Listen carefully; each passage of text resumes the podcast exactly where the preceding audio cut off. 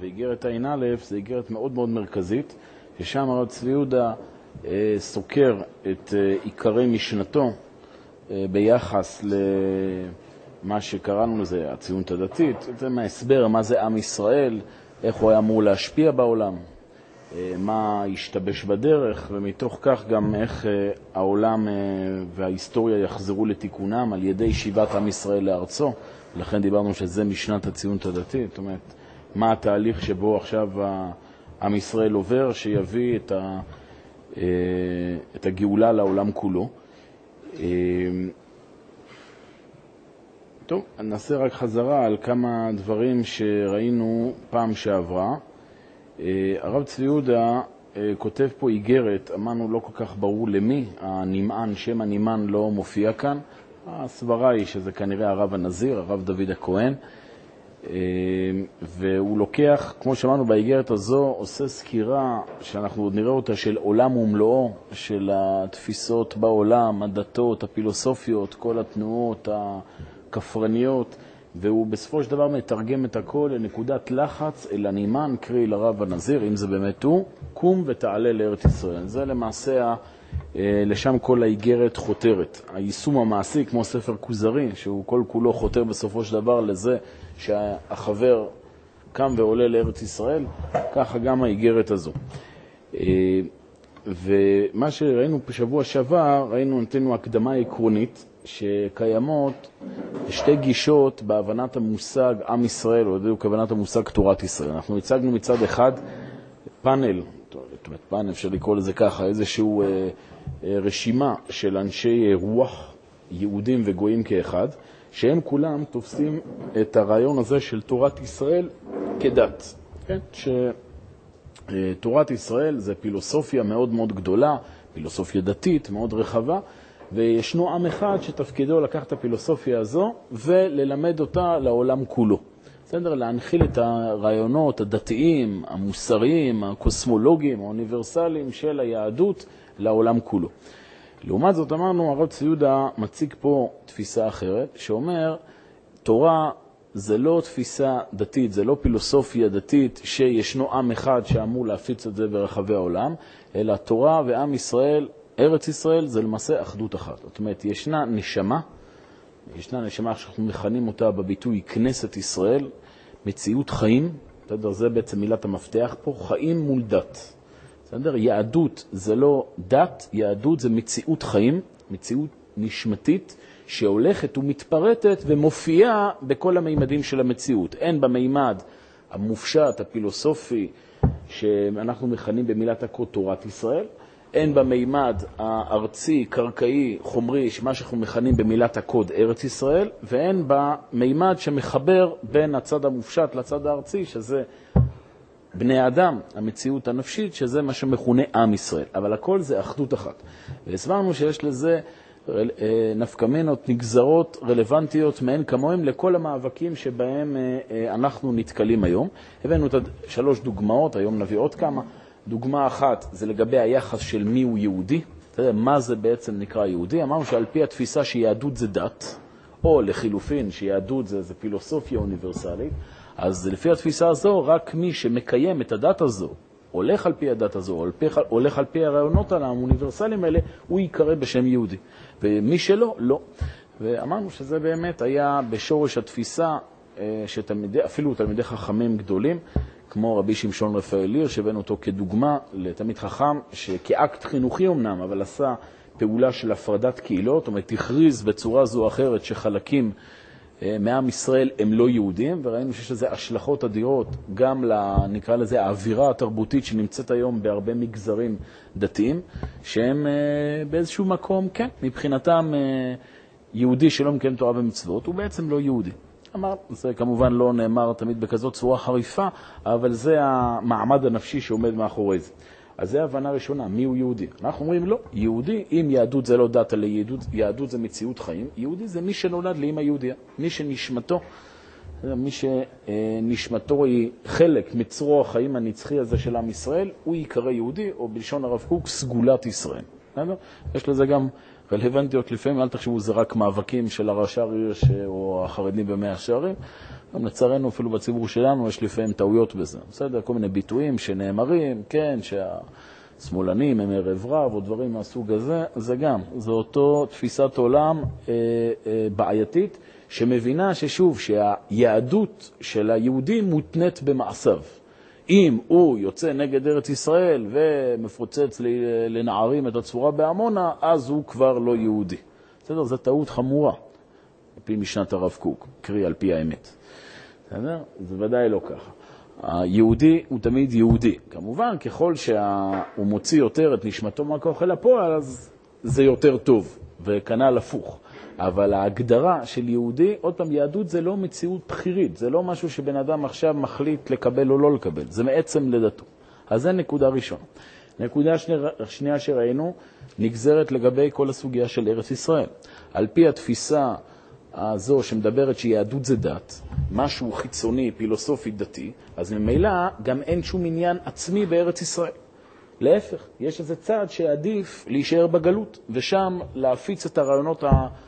הרעיונות היהודיים ברחבי uh, תבל. ואמרנו, זה שוב התפיסה של הרש"ר עיר שהתנגד לציונות. הבאנו מהכיוון השני בדיוק את הרמן כהן, כן, כנציג התפיסה החילונית האנטי-לאומית, שגנל, היא עומדת בשורש ההתנגדות, אמרנו שקיימת עד היום בהרבה מאוד uh, אליטות ומוסדות אקדמיים במדינת ישראל, נגד כל הרעיון הזה של לאומיות. כי יש תפיסה שיהדות זה משהו אוניברסלי, הומניסטי, משהו שלא, הרעיון הזה שיהדות זה מציאות לאומית, קרי קדושה שמופיעה בחיים החברתיים, הארציים, הקרקעיים, זה מצד אחד זר לתפיסה החרדית, ומצד שני זה זר לתפיסה החילונית, הומניסטית, ליברלית. ולפעמים כולם יחד מתנגזים למאבק נגד ציבור שמדבר על משהו אחר, שמדבר, שיונק מתוך משנת הרב קוק ומדבר על זה שאפשר לאחד שמיים וארץ ושהקדושה מופיעה בחומר. כל הדברים האלה הם גורמים להרבה מאוד התנגדות,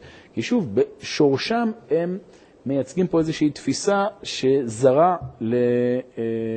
הרבה מאוד אה, אה, חלקים בעם ישראל, ואנחנו, הרב ציודה עוד יסביר ששורש הדברים זה בנצרות, ויותר מזה, בתפיסות עולם מליליות שחלחלו לעם ישראל. אני רק מביא לכם כדוגמה, לא הספקנו פעם שעברה, אקרא לכם פה איגרת מאיגרות צפון של הרש"ר הירש, איגרת ט'. תראו איך הרש"ר הירש מגדיר את הייעוד של עם ישראל. אומר הרש"ר הירש כך: לרמה אידיאלית זו, למלות את יהודו מתוך פריחה ועושר, כן, ניגרת ט', זה לא נמצא אצלכם, זה... אנחנו, מה שחילקתי לכם, מה שגם מופיע במחשב, זה האיגרת של הר צבי עמודים ראשון, עמודים אה, ראשון ושני. עכשיו קורא לכם כמה שורות מהרש"ר הירש. כותב הרש"ר הירש ככה: לרמה אידיאלית זו, למלא את יהודו מתוך פריחה ועושר, זכה ישראל רק במשך תקופה קצרה. משה, ראשון מנהיגיו, כבר חזה בנבואה שבהיותם על אדמת השם ישכחו את השם שישראל יושפע על ידי עמים סביבותיו, ישמן ועיוות, יאחז ברדיפת קניינים ותענוגות. על כן נלקחו ממנו השפע, העושר והקרקע, שגרמו לו לטעות מיני הדרך, ועליו נגזר לגלות מארץ הברוכה, אשר בהיותה בתוכה רם לבבו יתרחק מיהודו. עד כאן, בסדר.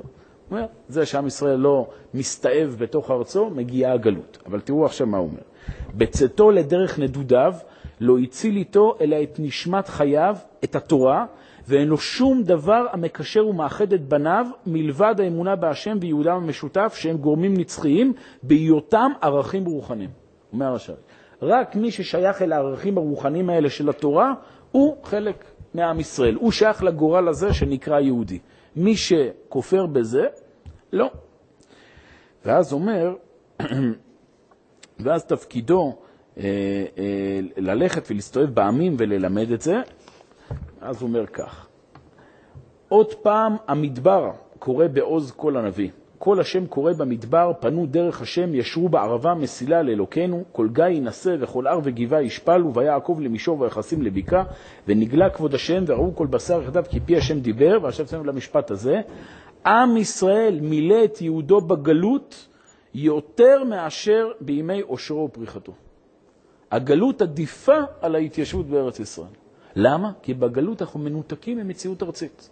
לא צריך להתעסק לא בכלכלה, לא בצבא, לא במציאות חיים גסה, אפשר להיות כמה שיותר דתיים. ואז ממילא יותר טוב. בוודאי שיש בו. אתה שואל אם זה בחינה מסוימת בגלות, מה שיש בזה משהו אמיתי? כן. לא, הרש"ש מתכוון כפשוטו, ככה הוא כותב. הרש"ש אומר שעדיף להיות בגלות מאשר בארץ ישראל. למה? כי בגלות אנחנו לא נמצאים במעקבים, תודה רבה, לא נמצאים במעקבים שמונים מהאדם הדתי להיות דתי. בסדר? בגלות, אתה יכול לשבת עם תורה, אתה לא צריך להתעסק, לא צריך ללכת לצבא, נכון? לא צריך לשלם מיסים, לא צריך להתעסק בהקמת uh, ממלכה, בהקמת מדינה ולהתעסק פוליטיקה. אתה יושב לך בבתי כנסיות ובבתי מדרשות שבבבל ונהנה מזיו השכינה. ותשים לב שהרבה אנשים דתיים זה גם האידיאל מבחינתם, נכון? איך הרבה אנשים מציירים את המציאות האידיאלית שתהיה לעתיד לבוא, שכולנו בסדר? יושבים לנו, לא עושים כלום, אלא רק לומדים תורה. כן, מסתמכים על דברי הרמב"ם, צריך להבין מה הרמב"ם אה, אה, אומר שהוא מתכוון, לא נתעבו החכמים וכו', אבל כשאנחנו רואים את ימי דוד, בסדר? ימי מלכות שלמה, התמונה מצטיירת אחרת, נכון? תמונה מצטיירת על עם בארצו עם כל עוצמתו. אז צריך להבין את הדברים האלה. אבל בכל מקום זה לשורש התפיסה החרדית שמתנגדת להתיישבות פה בארץ ישראל. כן. ברור.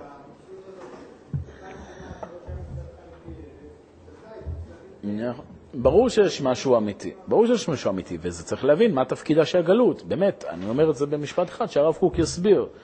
בספר אורות, מאמר למעלה חידות בישראל ועוד מקומות, שבאמת עם ישראל הגיע לאיזה שיא של הסתאבות בסוף ימי בית ראשון, והיה צריך אלפיים שנה לחזור לאיזון, להתעסק רק בדברים רוחניים, בשביל בסופו של דבר לחזור לאיזון של היכולת להופיע את הקדושה בתוך החומר. אבל אתה מבין שפה קרה, והרב צודה ככה הסביר את זה באיגרת, בגלל הגלות לאט לאט כבר התחילו לעשות אידיאליזציה. מציאות שהיא אמורה להיות רק זמנית ובתור רפואה, פתאום מתחילים להגיד, או, oh, זה המציאות האידיאלית, ככה צריך להיות. ואני מה שאני אצייר אתכם בשיעור שעבר, שגם אם היום יש חלקים בעם ישראל שלא אומרים את זה במילים האלה, שעדיף להיות בגלות, אבל התפיסה הזו של להיות דתי זה אומר להיות מנותק מהמציאות הארצית ולהתנגד למציאות לאומית? זה משהו שהוא שולט היום כמעט בכל עם ישראל. היום זה קונצנזוס, שארץ, שלהגיד שיש קדושה בחומר, שיש קדושה בארץ ישראל, זה פשיסטיות, זה משיחיות, זה, זה לא. רק אמרנו, יש חלקים בעם ישראל שאומרים, מה שחשוב בחיים זה הקדושה, זה הרוחניות, תנו לנו את צורכי הדת שלנו, בסדר? תנו לנו את הבתי כנסיות, את המועצות הדתיות. ומצד שני, יש חלק שאומר, עזבו אותנו מדת, מה שחשוב זה רק המציאות החומרית. כן, המטריאליסטית וכולי.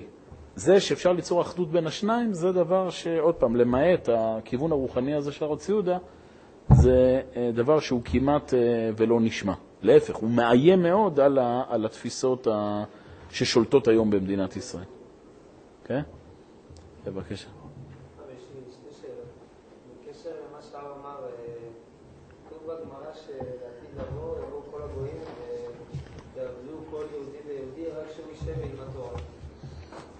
צריך להבין מה המשמעות של הביטוי הזה. אפשר, א', לא ברור שזה כפשוטו. זה שאומרים יעבדו, זה לאו דווקא במשמעות שהם יעשו עבודה פיזית ואנחנו נעשה עבודה רוחנית. שיעבדו, הכוונה היא שהגויים כולם יתכווננו אל המגמה של עם ישראל, ודרך עם ישראל יופיעו את ברכתם בעולם. אבל אני אומר גם בלי להיכנס נקודתית מה בדיוק יהיה בימות המשיח ולעתיד לבוא, דבר שאנחנו גם לא יכולים לדעת. עולם הבא עין לא ראתה אלוהים זולתך. אלא הרעיון הוא שוודאי שהקדושה תכיל גם את הממדים החומריים. איך זה יעשה בדיוק, אני לא יודע. אבל זה שהקדושה היא לא תהיה מופקעת, אחרי זה אידיאל נוצרי חלילה, כן? שלא צריך את העולם הזה ורק אה, בסדר, רק, אה, רק אנחנו נצא בו ממד מופשט. זה בוודאי לא, לא המטרה ולא האידיאל. איך זה יעשה בדיוק? האם עם ישראל בפועל הוא זה שיעבוד מציאות פיזית, או עם ישראל יהיה מנהל העבודה? בסדר, הם יהיו אנשי הייטק. זה אלה שמפעילים את כולם, אני יודע מה, או, או אנשי מרכז הליכוד, זה אלה שלא, שלא צריכים לעבוד בפועל, בסדר, אלא מנהלים את כהנים מאחורי הקלעים. יכול להיות שזה מה שיש, פסקאות בניה שהרב מדבר ככה, יש פסקאות הפוכות, שהרב מדבר על זה שלהפך, עם ישראל יחזור לימי החקלאות. כן, היה, אם אני לא טועה, ברכות חלק ב', בפסקה הראשונה או השנייה, הרב מדבר על זה שבאמת שעם ישראל לא יתעסק בעניינים חומרים, אלא רק יפקח. בסדר, יהיה? מנהל העבודה. כמו היום בבניין, נכון? אתה מגיע, מנהל העבודה הוא יהודי וכל השאר אה, בדרך כלל. הם אה, מלאומים שונים.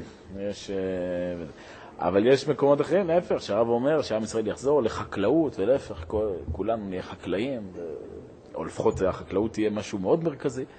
אני אומר, אני לא יודע לך בדיוק מה יהיה, אבל הרעיון הוא בוודאי שיהדות זה לא משהו מעוקר, זה לא מציאות חיים כזו אקדמאית, אינטלקטואלית, מופשטת, אלא זה משהו חי.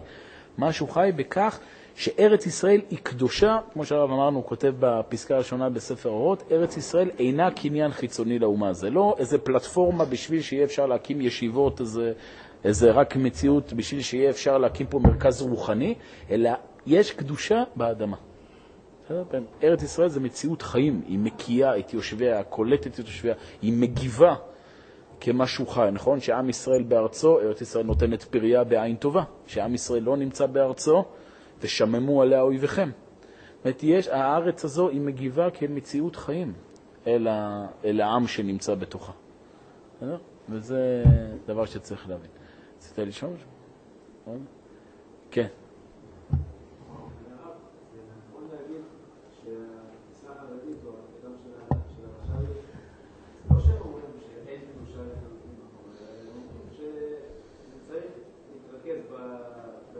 משהו?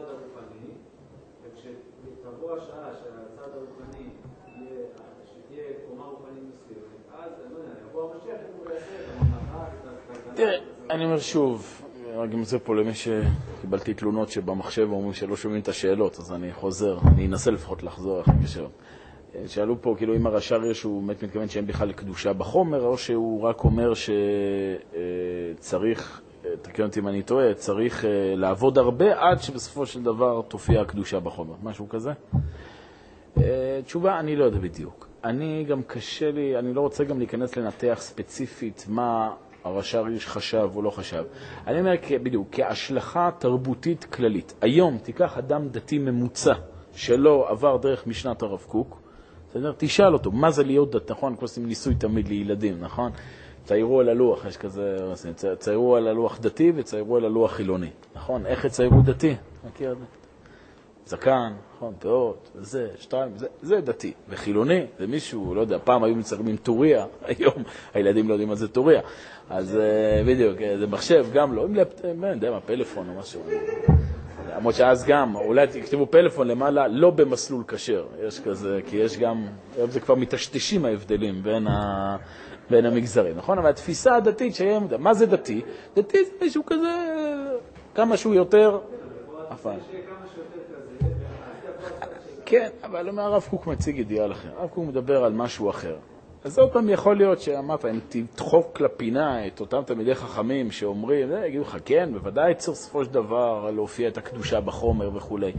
אבל אתה רואה את זה במדיניות החיים הכללית שעולה מתוך מה שמכונה המגזר החרדי, שהוא לא כזה.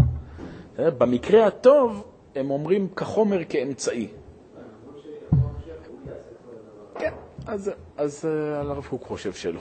שגם אנחנו עכשיו, במציאות הארצית, מקדשים אותה. בסדר?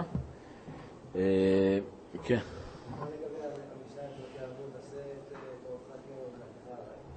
המשנה בפרקי אובות שאומרת, עשה תורתך כבמלאכתך היא מתכוון שהתורה היא מרכז החיים, ומתוך התורה מוארים כל החיים, ובתוך זה גם המלאכה. בסדר? לא הכוונה היא עכשיו שבן אדם, כל בן אדם צריך כל חייו ללמוד רק תורה. יש גם אנשים שזה תפקידם, אבל המציאות החברתית היא בנויה מכל מיני אנשים. יש תלמידי חכמים, יש הם לא תלמידי חכמים, יש בעלי מלאכה. כולם קשורים אל התורה, כולם קשורים אל הקודש, כולם מוארים מתוך תורה. אבל לא ודאי שכולם, הרעיון הזה שכל החברה כולה צריכה להיות למדנית, כולם לומדים, זה א', רעיון שהוא בעייתי מבחינה אמונית, וב', אתה רואה גם בשטח שהוא לא מציאותי. מה אתה עושה? אני לא יודע. זה צריך לשאול סוציולוגי, מה המינון בימינו? אני... בוודאי שיש ערך לעבודה מצד עצמה. למה? מצד זה שאתה מופיע את הקדושה פה, בעולם הזה. אתה מופיע כאן בזה שאתה מקים מפעל הייטק, בסדר, כמובן לדברים... מצד הקדושה, שזה מופיע, השלמות אינסוף, קדוש ברוך הוא, הוא מופיע גם בזה שעכשיו אתה מייצר משהו יותר מתוחכם במציאות. קרי, אתה מופיע יותר את הבריאה של הקדוש ברוך הוא בצורה יותר שלמה. זה יותר קיימות, זה נקרא קדושה. מה קדוש? קיים, מה, מה אה, קדוש נקרא קיים. בסדר? קדוש זה קיימות, ככל שיש יותר קיימות. עכשיו, מה זה קיימות? זה שאלה. יכול בן אדם יגיד לך, התאוות שלי זה קיימות. אז טוב, בסדר, צריך להבין מה זה נקרא להוסיף חיים לעולם ומה זה נקרא לא להוסיף חיים, להעמיד חיים בעולם. אבל הוספת החיים זה לא רק במימד הרוחני המופשט, זה גם במציאות הארצית. זה כל הרעיון של תורת ישראל, של היהדות. לקדש את המציאות פה בעולם הזה. עכשיו אני אומר שוב, התפיסה הדתית הקלאסית שעוצבה, יסביר הרב ציודה, מתוך התפיסה הגלותית, היא מדחיקה את הדבר הזה. ולהפך, היא מנסה כמה שיותר להתרחק מהמציאות החיים, ולכן זה גם נוצר בהתנגדות כלפי כל הנושא הזה של הציונות. ואמרנו, הפוך על הפוך זה גם היה מהכיוון השני. עוד פעם, על פי התפיסות החילוניות של הרמן כהן, ישעיהו ליבוביץ' וחבריו, אז אומרים אותו דבר, גם הם רוצים להתרחק מהלאומיות. לא בגלל שהם מפחדים מחומרנות, דווקא להפך, זה, אלא שהם, אין להם, אין להם שום עניין לקדש את המציאות הארצית. זה נראה להם משהו שיגרום, אה, אה, כן, הם קוראים לזה, כן, תכף נראה, זה קוראים לזה פטישיות, כן, איזו עבודה זרה. כן, יש כזה ביטוי של ישעיהו ליבוביץ', מה זה הכותל המערבי? הוא אומר, הכותל המערבי זה קיר עם אבנים מלוכלכות. זה כלום. מה, אתה רוצה להגיד שיש קדושה באבנים? כן, כמו הביטוי של הרב צבי יהודה הידוע, יש, יש אנשים עם לב של אבן ויש אה, אבנים עם לב אדם. כן, הרב צבי יהודה אמר את זה קצת בצורה אחרת, לא משנה, השיר ככה... אתה יודע, השיר הזה, אתם מכירים את השיר, נכון? עמד הצנחן מול... זה לא נעמי שמר. לא. זה... הכותל לזו ועצבת, הכותל עופרת ודם. זה נעמי שמר? אוקיי. וואלה, היה יורצייט שלה לא מזמן, לא? אני משהו. אה, פה... לי, כן, וואלה, וואי וואי. תופיע לי בחלום, תשים לי כאפה, תגיד לי, מה אתה עושה לי? קחת לי שיר. זה יהיה השיר שלה, הכותל הזו וזה. אוקיי, אז טעות שלי. אז יש שם, אה? מגיע. לא משנה, בכל מקרה, יש שם בית שאומר, עמד הרב הישיש מול הכותל. מכירים את זה? ואמר, אה, מתחת לכל המדים כולם כהנים ולוויים. והפזמון החוזר זה, יש אנשים עם לב של אבן ויש אבנים לב אדם, שזה באמת לקוח ממאמר של הרב צבי יהודה, והרב הישיש זה הרב צבי יהודה. אז הרב צבי יהודה, שישמעו לו את השיר הזה, מה שהיה לו להעיר זה אינני ישיש. כל אחד שיבין מהסיפור הזה מה שהוא רוצה. אולי הוא לא אהב את המנגינה, אולי הוא לא אהב את השיר, אני לא יודע. בכל מקרה, זה מה שאני אגיד, שהוא לא ישיש. כן.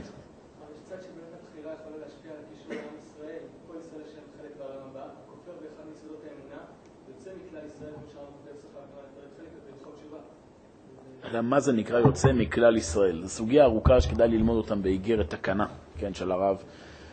בגדול, צריך להבין שכל הביטויים האלה שיוצא מכלל ישראל וכולי, הכוונה היא שישנם מימדים במציאות הגלויה שהוא נחרט מהם. בסדר? פה בעולם הזה, בסדר, יש איזה צד שהוא, יש, אדם יכול להגיע לפעמים למצב קיצוני, כמו בן אדם במציאות הפיזית, יכול להתאבד, בסדר, יכול לאבד את חייו פה בעולם הזה, אבל עדיין, הוא שייך לשורש נשמתו, היא צלם אלוהים, והיא תלך ותופיע, תלך ותתוקן בעולמות הבאים, בסדר? אותו דבר, עם ישראל לא יכול לשנות את טיבו. יש מציאות, וזה כל, כך מסביר הרב ביגרת הרנה, כל הביטויים האלה, ולהגיד שכאן, במציאות העכשווית, בן אדם הוא... אה, כרת תיכרת הנפש ההיא מהמאה. יש איזה נימים מסוימים שפה בעולם הזה כבר לא יכול, יכול להופיע את אה, יהדותו, את ישראליותו. אז לפעמים בעולם הזה, אז לפעמים בשביל העולם הבא צריך לסלק את הנפש הזו מהעולם הזה. אדם חילל שבת בזמן שיש בית דין, סוקלים אותו. נכון. אני אומר, אז הכוונה היא, אז אני אומר, בעולם הבא, הכוונה שגם בעולם, גם, גם בעולם הבא יש איזה צד מסוים שהוא לא נמצא בשלמות וזקוק יותר לתהליכי מירוק ו, ו, אה, ותיקון. אבל זה, אין דבר כזה שדבר נאבד מהמציאות באופן טוטאלי. גם בעולם הפיזי אין דבר כזה, נכון? דיברנו על זה כמה פעמים. שאתה לוקח את הכוס הזו, נכון? עוד אלף שנה תקבור אותה עכשיו, מה יקרה לכוס הזו? נכון? היא לא תאבד מיליון, פשוט תחליף צורה, תהפוך להיות גז, ותחזור למציאות בצורה אחרת. לכן אין דבר שנאבד מהמציאות. גם גויים אגב, הרב כותב, מחות תמחה את זכר עמלק מתחת השמיים, מתחת השמיים אין לו זכר. מעל השמיים יש לו זכר. אפילו עמלק, שורש הרע בעולם, גם הוא בסופו של דבר מגיע לתיקונו, כן? הוא לא, גם הוא חלק מהשלמות האלוהית, שצריך, עוד פעם, לעבור תהליכים מאוד. אז להבדיל אלפי הבדלות, עם יהודי שנולד יהודי, הוא מופיע בעולם את הקדושה הישראלית, הוא יכול לפעמים להגיע למצב כזה שפה, במציאות הקיימת עכשיו, זה, הוא כבר יותר מזיק מאשר מועיל, ולכן הוא מסתלק מהעולם הזה, וגם בעולם הבא, מה זה עולם הבא? שוב, בשלמות האינסופית, ישנם מימדים שבהם הוא אה, צריך פה אה, עדיין אה, להיות מתוקן, להתקן וכו'. אבל אין דבר כזה שיהודי נחרט באופן טוטאלי מעם ישראל לנצח נצחים. לא. הרב רק נותן איזו הסתייגות, שעוד פעם, שפעם, זה קשור לנצרות, היה איזו מציאות של מינות, מה שנקרא. בסדר? זו מציאות באמת יותר חריפה של ניתוק מעם ישראל, יותר ממה שאנחנו מכירים היום. צריך להבין גם מה היא. כן, גם הכוונה, אין זה חלק לעולם הבא. יש, הם נמצאים במצב יותר בעייתי בעולם הבא. הכוונה, יהיה להם חלק טוטאלי לעולם הבא, כי לכל יש, אפילו לדומם יש חלק לעולם הבא. יש, חלק, יש לו חלק בנצחיות. אז בוודאי שגם יהודי. כן. אומנם, כאילו, שלה. אתה צודק. כמו שהריבוי העסק הוא מיותר. אז מה היחס בין זה לבין הפיתוח של מדינה? כי אם אתה אומר שבפרט, אז כל... נכון שיש מקום המלאכה, אבל היא במשבצת הקטנה, תורה. אני שוב, כל המדרשים וכל המשניות שנותנים למלאכה ערך של אמצעי, ואז ממילא כמה שיותר קטן, אז צריך להבין אותם אחת משני אובנים. או שהכוונה היא, מדובר באדם שבשלבים מסוימים של עבודת השם שלו, עכשיו הוא עוד לא נמצא במצב של קידוש החומר וכו', ולכן עכשיו הוא כן, המלאכה אצלו במציאות הנפשית היא רק כאמצעי, ולכן בה הוא צריך להמית. או שכוונה היא לתקופות שעם ישראל נמצא בגלות. יש מדרשים, ישנם ספרי מוסר שנכתבו בגלות, והם עניינם באמת להציג את הנקודה הזו של המלאכה או של העולם הזה כאמצעי. אבל במציאות האידיאלית, גם באופן פרטי וגם באופן לאומי, המציאות האידיאלית זה לא כך, אלא זה חיבור של שמיים וארץ. עכשיו, איך זה נעשה בדיוק היום? לא נעשה היום, אמרנו, זה לא נכנסים לפה. פה באיגרת הזוהר הצודה מציב לך את האידיאל. האידיאל זה עם ישראל בארצו קרי הופעה של קדושה פה בתוך העולם הזה. בסדר? זה, זה ה, לשם אנחנו שואפים. כן. שאלה טובה. שאלה טובה. כל, תראה, עוד פעם, כל אותם תלמידי חכמים שציינו אותם קודם, שגם ציינו שבוע שעבר, שמתנגדים לעלייה לארץ וכולי, שוב, לדעתי, אם תדחק אותם לפינה, הם יגידו לך שלעתיד לבוא יבוא משיח ואז נעלה לארץ וכולי, אבל כל התפיסה, אתה מבין, מה זה יבוא משיח? יבוא איזה מישהו, יבוא איזה מציאות רוחנית ותהפוך פה את העולם הזה לעולם רוח. הרמב"ם, מי מדבר על הרמב"ם? הזכרנו את הרמב"ם. לא יודע מה להגיד לך. מה הם יעשו עם הלכות מלכים ומלחמותיהם של הרמב"ם? שאלה טובה, לא יודע מה להגיד לך. שאל אותם, מה אתה שואל אותי? מה אני יודע?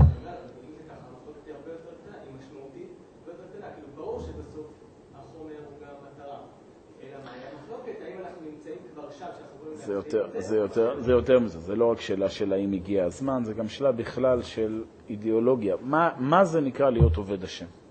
או בשורש הדברים, מה זה אלוהים? לא, משתמשים אבל בעיקר במקורות שיותר מבליטים באמת את הערך של, ה, של העדיפות של העולם הרוחני על העדיפות החומרי, שבאמת יש בזה הרבה מאוד מקורות, שנכתבו בעיקר בזמן הגלות וכולי.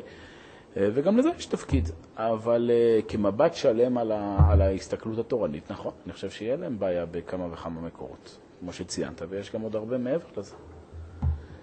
טוב, בואו רק נתקדם, כי פשוט זה, אנחנו רק עוד בשלבי הסיכום של שבוע שעבר, וכרגיל, יש לנו הרגל מגונה ל, לשרוף את השיעורים על סיכומים, ואז, ואז שבוע הבא עושים סיכום לסיכום וכו', אז זה נגמר. אה, אז אמרנו, זה לגבי התפיסה הזו של ארץ ישראל. גם ציינו, ולא הרחב זה פעם שעברה, שעוד פעם, עוד אחת מהדמויות שדיברנו עליהן פעם שעברה, זה היה אחד העם. כן, דיברנו על אחד העם שגם בתוך התנועה הציונית היו פלגים כאלה, שדיברו על זה שהציונות עניינה להיות משהו רוחני מופשט. ואמרנו, מתוך הזרם הזה הלך וצמח מה שמכונה עולם האקדמיה של מדינת ישראל, כן, באוניברסיטת הר הצופים, שהוקמה על ידי אחד העם וצאצאיו הרוחניים, כן, הרקטור הראשון למשל של אוניברסיטת הר הצופים, זה היה פרופסור מגנס, כן, זה היה שמו, שהוא הקים את ברית שלום. מה זה ברית שלום? ברית שלום זה השלום עכשיו שלפני מאה שנה. הוא אומר, צריך להקים פה מדינה דו-לאומית, כן, לפני מאה שנה הוא דיבר על זה. שאנחנו והערבים יחד וכולי. גם בתפיסה כזו שיש, אתה מבין, בעולם האקדמאי אה, במדינת ישראל, בעיקר בעולם האקדמאי של מדעי הרוח, יש איזו תפיסה שורשית נגד הלאומיות הישראלית, נגד כל הנושא הזה של לאומיות. ולכן אתה מבין גם למה יש כזו התנגדות אדירה שם כלפי התנועה, גוש אמונים או התנחלויות או דברים מהסוג הזה. שוב, כי כל הקונספט, כל התבניות החשיבה של העולם האקדמאי, שבנוי בכלל על התפיסת עולם היוונית, זה שיש הפרדה בין חומר לרוח. כן, אם דיברנו, אתם זוכרים, עכשיו על אפלטון והאידאות שלו, זה הרעיון, יש הפרדה בין חומר לרוח. אז הרעיון הזה שקדושה בתוך חומר, זה לא מסתדר עם, ה, עם, ה, אה, עם כל המדיניות, וממילא זה גם משליך אה, להתנגדות אה, מאוד חזקה.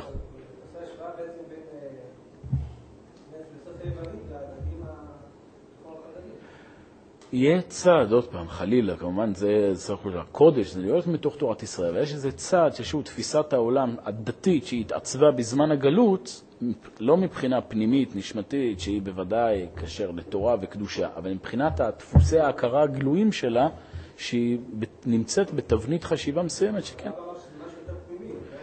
משהו יותר פנימי, כי בסופו של דבר זה כן נובע מקדושה, והרצון, וזה נובע מתוך באמת זה שעם ישראל בגלות זה, זה היה התפקיד שלו, להתנתק מעולם החומר.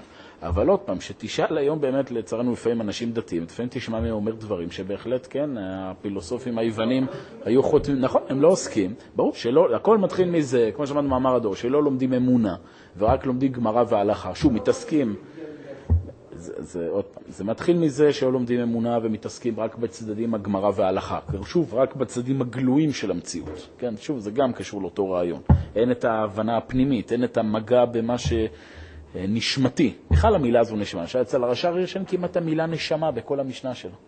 הוא לא משתמש במילה הזו, סגולה, זה לא נמצא. כל המילים האלה זה זר לתפיסה, אה, לתפיסה הזו. אז אני אומר, זה מתחיל מזה. עכשיו, עם הזמן שלא לומדים אמונה, אז uh, מתחילים באופן טבעי להיות מושפעים גם uh, מדעות ותרבויות שנמצאות סביב עם ישראל בגלות, ועם הזמן יש גם, דבר, גם אנשים שממצקים את זה לאידיאולוגיה.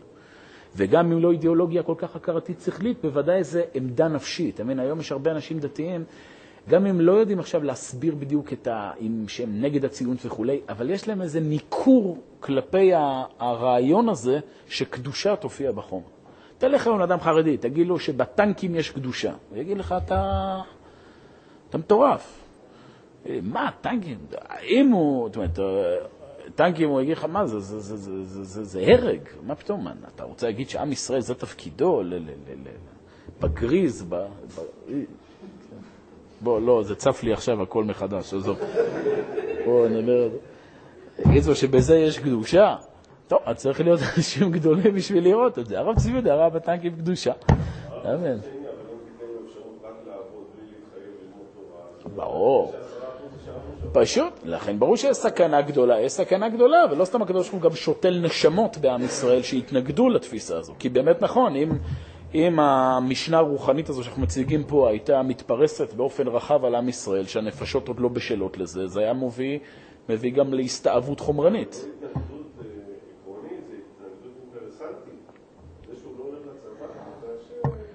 תראה, אני לא חושב שצריך להעמיד הכל על אינטרסנטיות. זה, ברור שיש, ברור ש... בר... יכול להיות.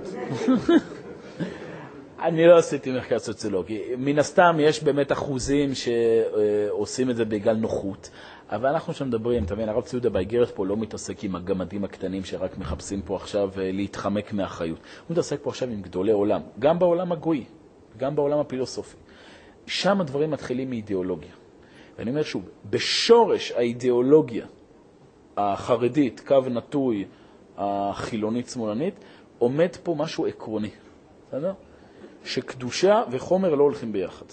ומתוך כך כבר זה הולך ומתגלגל עכשיו גם לאנשים שמנצלים את זה. אני אתן לך רק כדוגמה פשוטה, אולי, זוכרים, הבאתי אותה פעם שעברה. היה בהתנתקות, לפני, uh, כמה זה היה? התנתקות הייתה לפני? ארבע שנים. היה איזשהו שלב שהשאלה הזו, האם בעצם חוק פינוי, פיצוי. קיצור, האם ההתנתקות תעבור בכנסת, זה בעצם היה תלוי במפלגות החרדיות. לא זוכר בדיוק, היה איזה שלב שהם היו לשון המאזניים. אה, ובעצם היה תלוי בהם. אם הם היו מתנגדים לחוק, אז על פניו זה לא, לפחות איך שזה נראה במבט אה, תיאורטי, אז אה, לא הייתה קורית ההתנתקות. השאלה הזו התגלגלה לפתחו של גדול הדור החרדי, הרב אלישיב. בסדר? הרב אלישיב פסק. כי עמדו מול, מול, בכף שני דברים. מצד אחד, הנושא הזה של גוש קטיף, מצד שני, מה שנקרא כסף לעולם הישיבות. תקציבים לעולם הישיבות.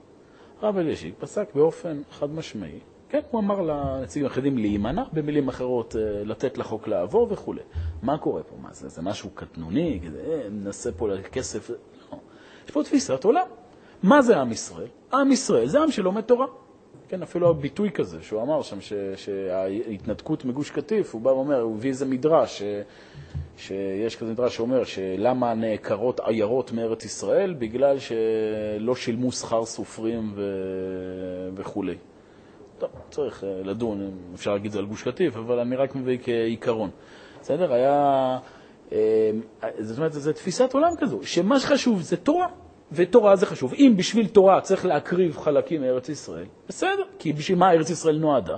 זה נועדה שיהיה מקום להקים ישיבות. אם עכשיו אתה מוותר על חלקים ובזכות זה אתה, אתה מביא כסף לעולם הישיבות, אז עדיף. זה, זה מתחיל מזה. זה מתחיל מתפיסת עולם אידיאולוגית, ונגד תפיסות האלה הרב צבי יהודה יוצא. אתה מבין? כי מזה, מזה שורש הכול. כל מה שאתה נפגשים אחר כך מהשמאלנים הביטחוניסטים, או להבדיל החרדים האינטרסנטים, זה מה שנקרא בקטנה. איתם הרב צבי יהודה לא, לא שווים מכה, לא עליהם הוא מדבר. הוא מדבר עכשיו איפה הדברים מתחילים בשורשם. וברגע שנאבקים בזה, זה גם לטווח ארוך, ברגע שמעמידים את האמת בצורה האידאית וה, והעליונה שלה, זה גם בטווח פרספקטיבה של מאות שנים יוצר גם חברה מסוג אחר, שגם ייעלמו ממנה אותם אנשים שציינת. אה? טוב. כן. אחד העם בא ואומר, אנחנו באנו ארצה, הוא אומר, בניגוד להרמן כהן, הוא אומר, כן צריך ציונות, אבל בשביל מה? כדי להקים פה מרכז רוחני. בסדר? מרכז רוחני קוסמופוליטי. זה התפקיד שלנו פה בארץ. להקים פה איזה... בסדר, עולם... זה אצל אחד העם, זה כן בארץ ישראל, כי הוא אומר זה המצב הטבעי, בכל זאת, לשוב לארץ אבותינו וכולי, אבל גם אנחנו, אם, אם אחד העם תבוא אליו, תגיד לו שלא יהיה שלטון יהודי, שיהיה פה שלטון אה, ריבוני סורי, אבל נותן לנו פה להקים לנו את המרכז, יגיד לך, אדרבה, יותר טוב, מה, אתה צריך פה את הכאב ראש? מה זה? ברור שלא. כן, נכון, פה זה המקום, שבגלל שזה המקום הטבעי שלנו, אז, אז פה האינטלקט היהודי יותר יפרח, משהו כזה. בסדר, ברמות האלה. גם עוד פעם, תלך לאדם חרדי, יגיד לך, יש מצווה להיות פה בארץ ישראל. יגיד לך, גם מביא לך גמרות שבארץ ישראל אדם מקבל אה, הערה גדולה יותר בלימוד וכולי, אבל הכל תמיד בצורה חיצונית, לא שהקדושה עצמה נמצאת באדמה. טוב, אז זה לגבי, אמרנו, אה, עם ישראל לארץ ישראל. דיברנו גם על ההשלכה לתורת ישראל, שגם עכשיו בעבודת השם הפרטית, לא רק במישורים הלאומיים. איך אמור להיות אדם שהוא עובד, עובד השם? לפי התפיסה הראשונה, ככל שאתה יותר מרוחק מהעולם הזה, ככל שאתה יותר פסיבי, ככל שאתה יותר תלותי, ככל שאתה פחות מנהל את חייך, אתה יותר דתי.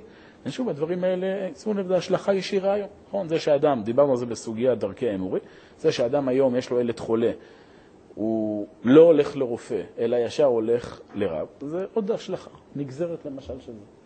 מה הרעיון? הרעיון, אני דתי, נכון? דתיים לא הולכים לרופאים. כי רופאים זה עולם הזה, זה טכניקה, טכנולוגיה, מחשבה, זה זה, זה... זה לא. אנחנו הולכים למשהו שיעשה תפילה וכו'. זה כמובן לא נכון. בוודאי שהולכים לרב לקבל ברכה וכו', אבל לפי התפיסה של הרב קוק, אדרבה, בזה שאתה הולך לרופא, בדיוק בזה מופיעה הקדושה. הקדוש ברוך הוא נתן לחוכמה, ניתן רשות לרופא לרפות.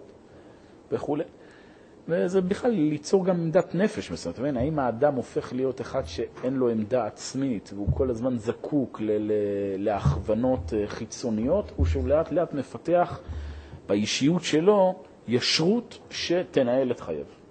ולכן אתם מבינים גם שהרבה מאוד אנשים קשה להם עם המשנה הזו, גם ברמה הפרטית. הרבה פעמים שואלים אותי, למה הרב קוק לאנשים קשה להתחבר איתו?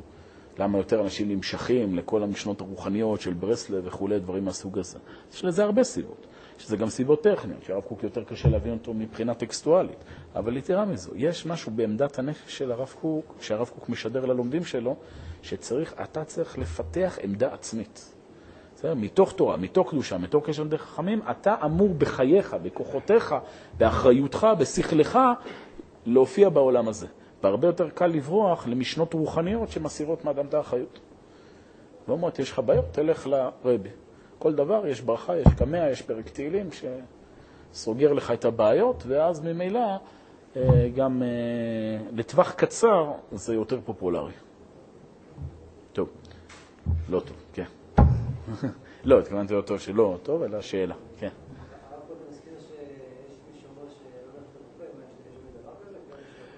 אה, בעם ישראל, ברוך השם, אה, זה כבר כמעט לא קיים, למרות שיש גם דברים מהסוג הזה. בעולם הנוצרי, להבדיל פבלרלות, זה בוודאי. יש, אה, זה, נדבר על זה עוד, יש תפיסות דתיות שמדברות על זה באופן מאוד מאוד ברור ומובהק. בוא נגיד, היום כבר לא, לפני 150 שנה היו דברים כאלה. יש, יש כזה מופיע, אתה יודע, שרבי ישראל משקלוב, עלה לארץ עם עליית תלמידי הגר"א, אז הם, אה, היה להם פה כמובן המון מחלות וכולי, הם נתקלו פה בהרבה בעיות, אז הם שלחו מכתב ליהדות בחוץ לארץ, הם מבקשים כסף להקים פה בית חולים. אז הם קיבלו מכתב חזרה, איך אתם לא מתביישים לבקש כסף לבית חולים? זאת אומרת, אתם פה בארץ ישראל, תתפללו, השם יעזור לכם. מה זה כסף לבית חולים? זה... ברור. טוב, פה זה קשור לארץ ישראל, הרעיון הוא, מה? תתפללו, מה אתם מצפים? מה זה הולך להיות? זה יותר זול, יש הרבה, יש הרבה יתרונות בעניין. עכשיו אני אומר, זה לא תמיד חייב להופיע. תראה, אמרתי, אצל הנוצרים מופיע בצורה קיצונית. למשל, היה, אם אתם זוכרים את הדבר הזה, היה סדרה, זה המבוגרים בינינו, נראה לי, רק יזכרו, היה סדרה פעם בטלוויזיה שקראו לה החבובות. לא משנה, אז... מאיפה אתם יודעים? מה אתה מה זוכר את זה? אה,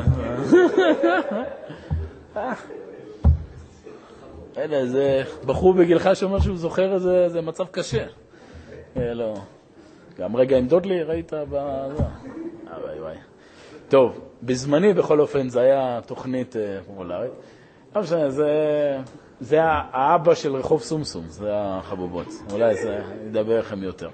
בכל מקרה, אז היוצר של החבובות רחוב סומסום, קראו לו ג'ים הנסון. זה היה בן אדם, כמו שאתם יודעים לבד, אה, ברוך השם, מסודר בחיים, אחרי שהוא יצר את שתי התוכניות האלה, היה עשיר מאוד, עשיר כקורח. אבל עד איזה שלב הוא נהיה, קיבל שפעת, בסדר? מה עושה אדם שחולה בשפעת, מה עושה? אוקיי, הולך לרופא, נכון, קוראים אנטיביוטיקה. אבל ג'ים אנסון היה שייך לכת נוצרית, שאומרת שאסור ללכת לרופא. אז הוא מת. בסדר? שפעת, הסתבך לאט לאט לאט, ומת. כך לומד ג'ים אנסון העשיר. בסדר? אז יש דברים כאלה. בעם ישראל זה פחות אה, זה, אבל שוב, קו החשיבה הדתי הקלאסי, הוא הולך לכיוונים האלה. עוד פעם זה יכול לבוא בצורה מעורדת, גם הולך לרופא, אבל ברגע שהרופא הוא לא משהו שקצת לא נראה לו, אז הוא עכשיו הולך לחפש סגולה, וקיצור, לא, לא נטוע בתוך העולם הזה, אלא כל הזמן מחפש פתרונות חיצוניים, רוחניים, דתיים, מיסטיים, שיפתרו לו את הבעיות בה. בואו נקרא את הגר בפנים. אומר הרצל.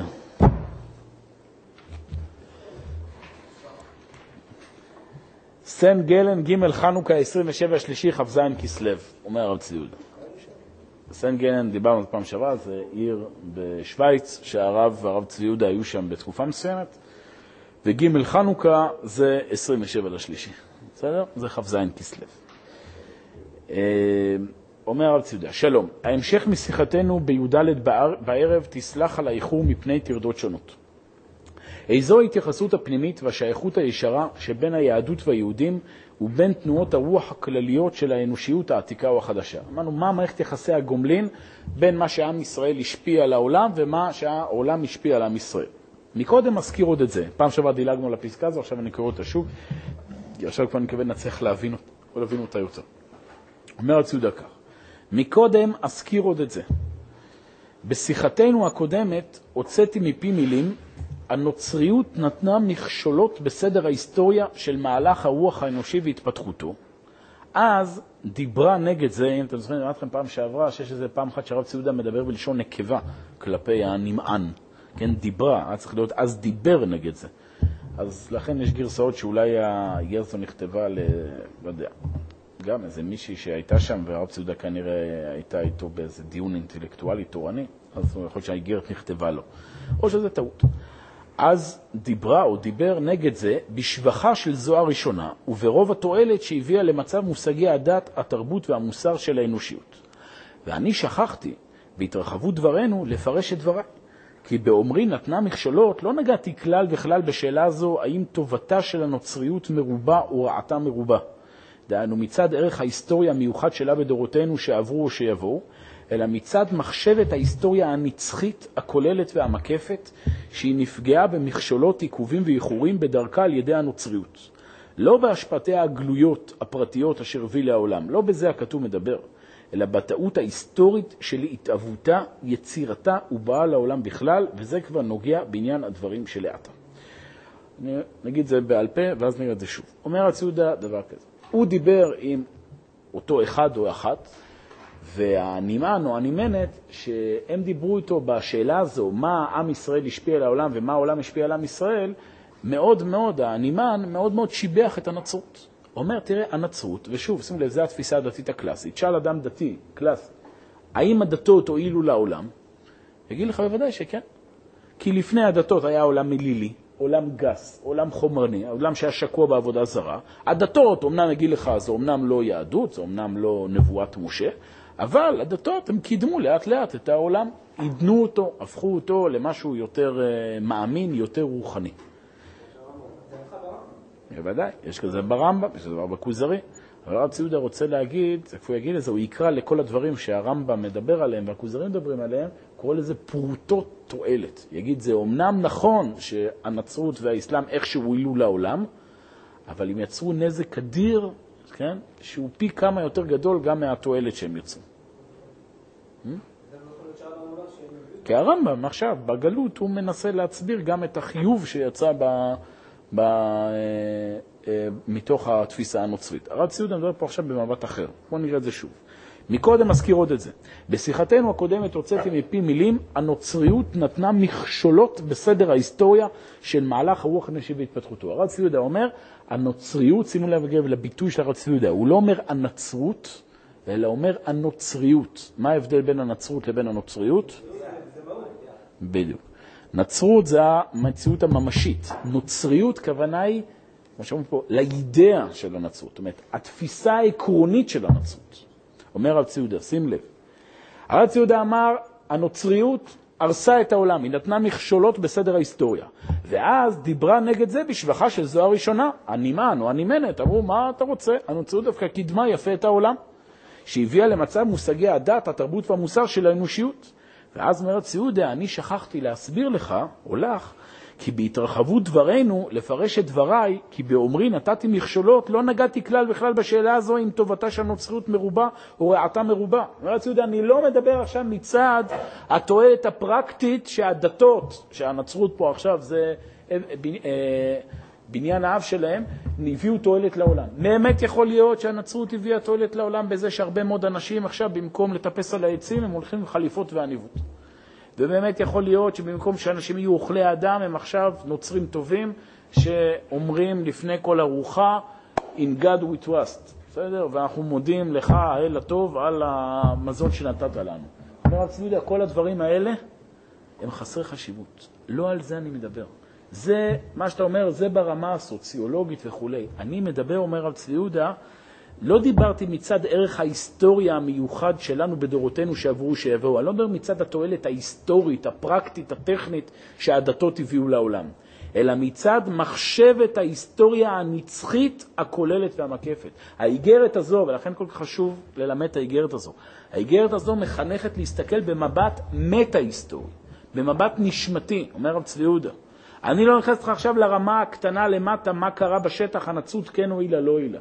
אנחנו מדברים פה עכשיו על העיקרון, איזה באג התפיסה הנוצרית, התפיסה הדתית חלחלה לעולם, שיצרה עכשיו סטייה של כל המהלך התקין של ההיסטוריה.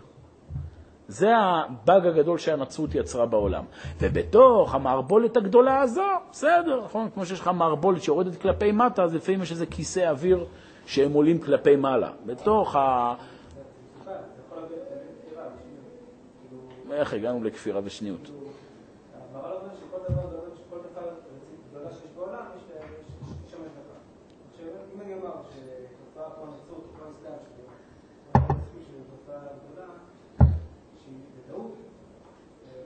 פשוט, מה, מה? שהמהר"ל אומר שכל תופעה גדולה יש לה השגחה, לא הכוונה שזה היה צריך להיות. אם היינו עובדים נכון, זה לא היה קורה. השואה. אנחנו עושים פה הצדקה של השואה, שמלכתחילה זה מה שהיה צריך להיות. חלילה. אם עם ישראל היה עולה לארץ ישראל, לא הייתה שואה. אחרי שלא עלינו, קרה מה שקרה, ובדיעבד אנחנו רואים איך גם זה קידם את המציאות האנושית. מלכתחילה הנצרות והאסלאם לא היו צריכים להיות. הרב יהודה יסביר, ב- אנחנו נראה בהמשך, איך היה צריך להיות המהלך התקין של ההיסטוריה, איך ההיסטוריה הייתה צריכה להתקדם מלכתחילה. קרה מה שקרה, ונבין גם למה קרה מה שקרה, ועכשיו, בדיעבד, אנחנו מבינים איך גם זה הביא תועלת. אבל לעשות מראש הבנה ש, שכל דבר שקורה במציאות, אנחנו אומרים שזה טוב, במשמעות הפשטנית, ודאי שלא. בדיעבד, אנחנו אומרים, אנחנו לומדים, אבל בדיעבד, לא מלכתחילה. בא אליך מישהו, שם לך כאפה, אתה עושה לו, וואלה, תודה, זה טוב. זה לא אתה נתת כאפה, זה הקדוש ברוך הוא הרים לך את היד, נתן לך כאפה. מה לך, זו תפיסה, זו תפיסה מזרחיסטית, בודהיסטית, שכל מה שקורה, באמת, ככה צריך להיות. בסדר, מכתוב בשיטה המוסלמית, כן?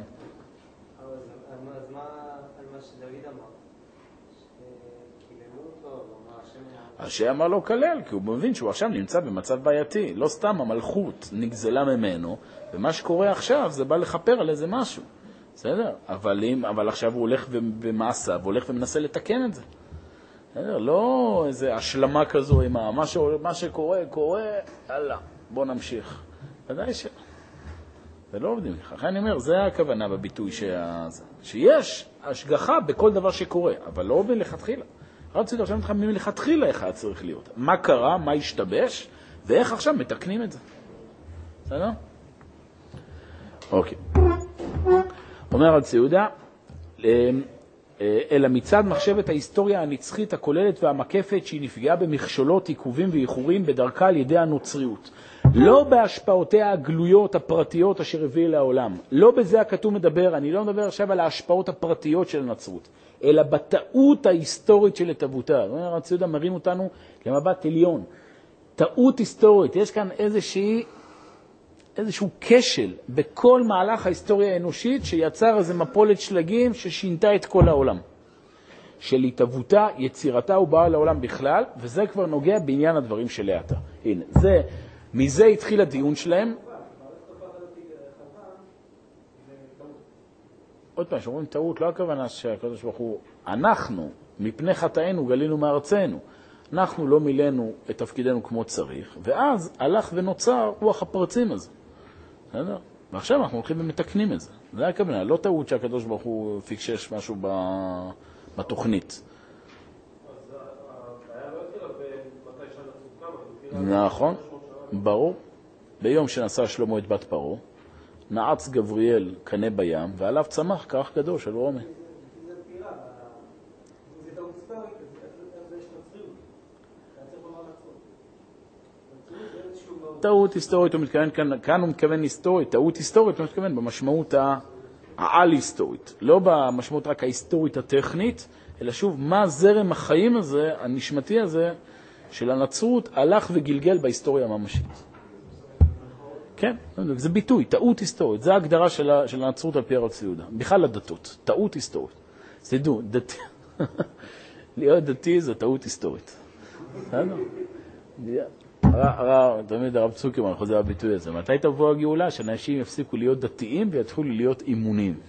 בסדר? הביטוי היותר נכון בשנת הרב קוק זה להגיד אמוני, לא דתי. כי דתי זה יכול, לא יודע, כל אדם איך הוא משתמש בביטוי הזה, אבל דתי במשמעות הקלאסית שלו זה בתפיסה הנוצרית. עכשיו, אתם מבינים לבד, לפי כל מה שדיברנו, מה באמת הבעיה הגדולה של הנצרות? שהרב צבי יהודה מציין אותה כטעות ההיסטורית.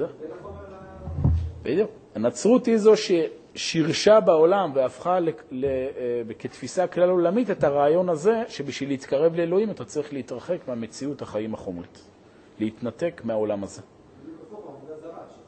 נכון, ונסביר גם מה הרעיון, למה זה בא בדיוק אחרי עבודה זרה, כקונטרה לעבודה זרה, אבל מכל מקום הרב צבי עוד רוצה להגיד באיגרת הזו שעבודה זרה הייתה עדיפה מנצרות.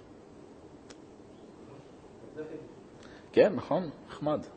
אומר שהעולם היה עדיף שישאר עובד עבודה זרה, בלי שעם ישראל יהיה בתוכו, ולאט לאט יקדם אותו, מאשר והנצרות נכנסה והרסה הכול. הפכה את כולם לדתיים. טוב, יש פה הרבה דברים. אז נגיע גם לזה. אם אי פעם נגיע לעמוד הבא של הפסקה, הדבר שאני חושש שישנם, כמו ציודה, עיכובים, עיכובים ואיחורים וכולי. כן, אם, אם ישבנו במצב אידיאלי, היה פה איזה זרם נשמתי שהייתי מצליח להעביר לכם, והיה חוסך את כל הדיבורים החיצוניים, הטקסטואליים. אז כנראה, נכון, לא, אחרי. טוב, אז בואו נקרא עוד כמה שורות. תכננתי היום בכלל שנעבור לפסקה הבאה, אבל... קורה, ככה היה צריך להיות.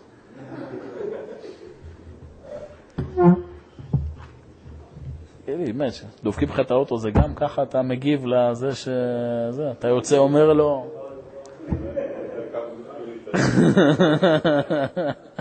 ככה היה צריך להיות. לא אשמתך. אז אמ, בואו נקרא את הפסקה הבאה ורק נסביר אותה באופן כללי, ושבוע הבא באמת נוכל להתקדם הלאה. אומר הרב ציודה כך, ההסתכלות החודרת השלמה, הנה פה נגיד כבר את המשפטים ששבוע שעבר הסברנו אותם באריכות.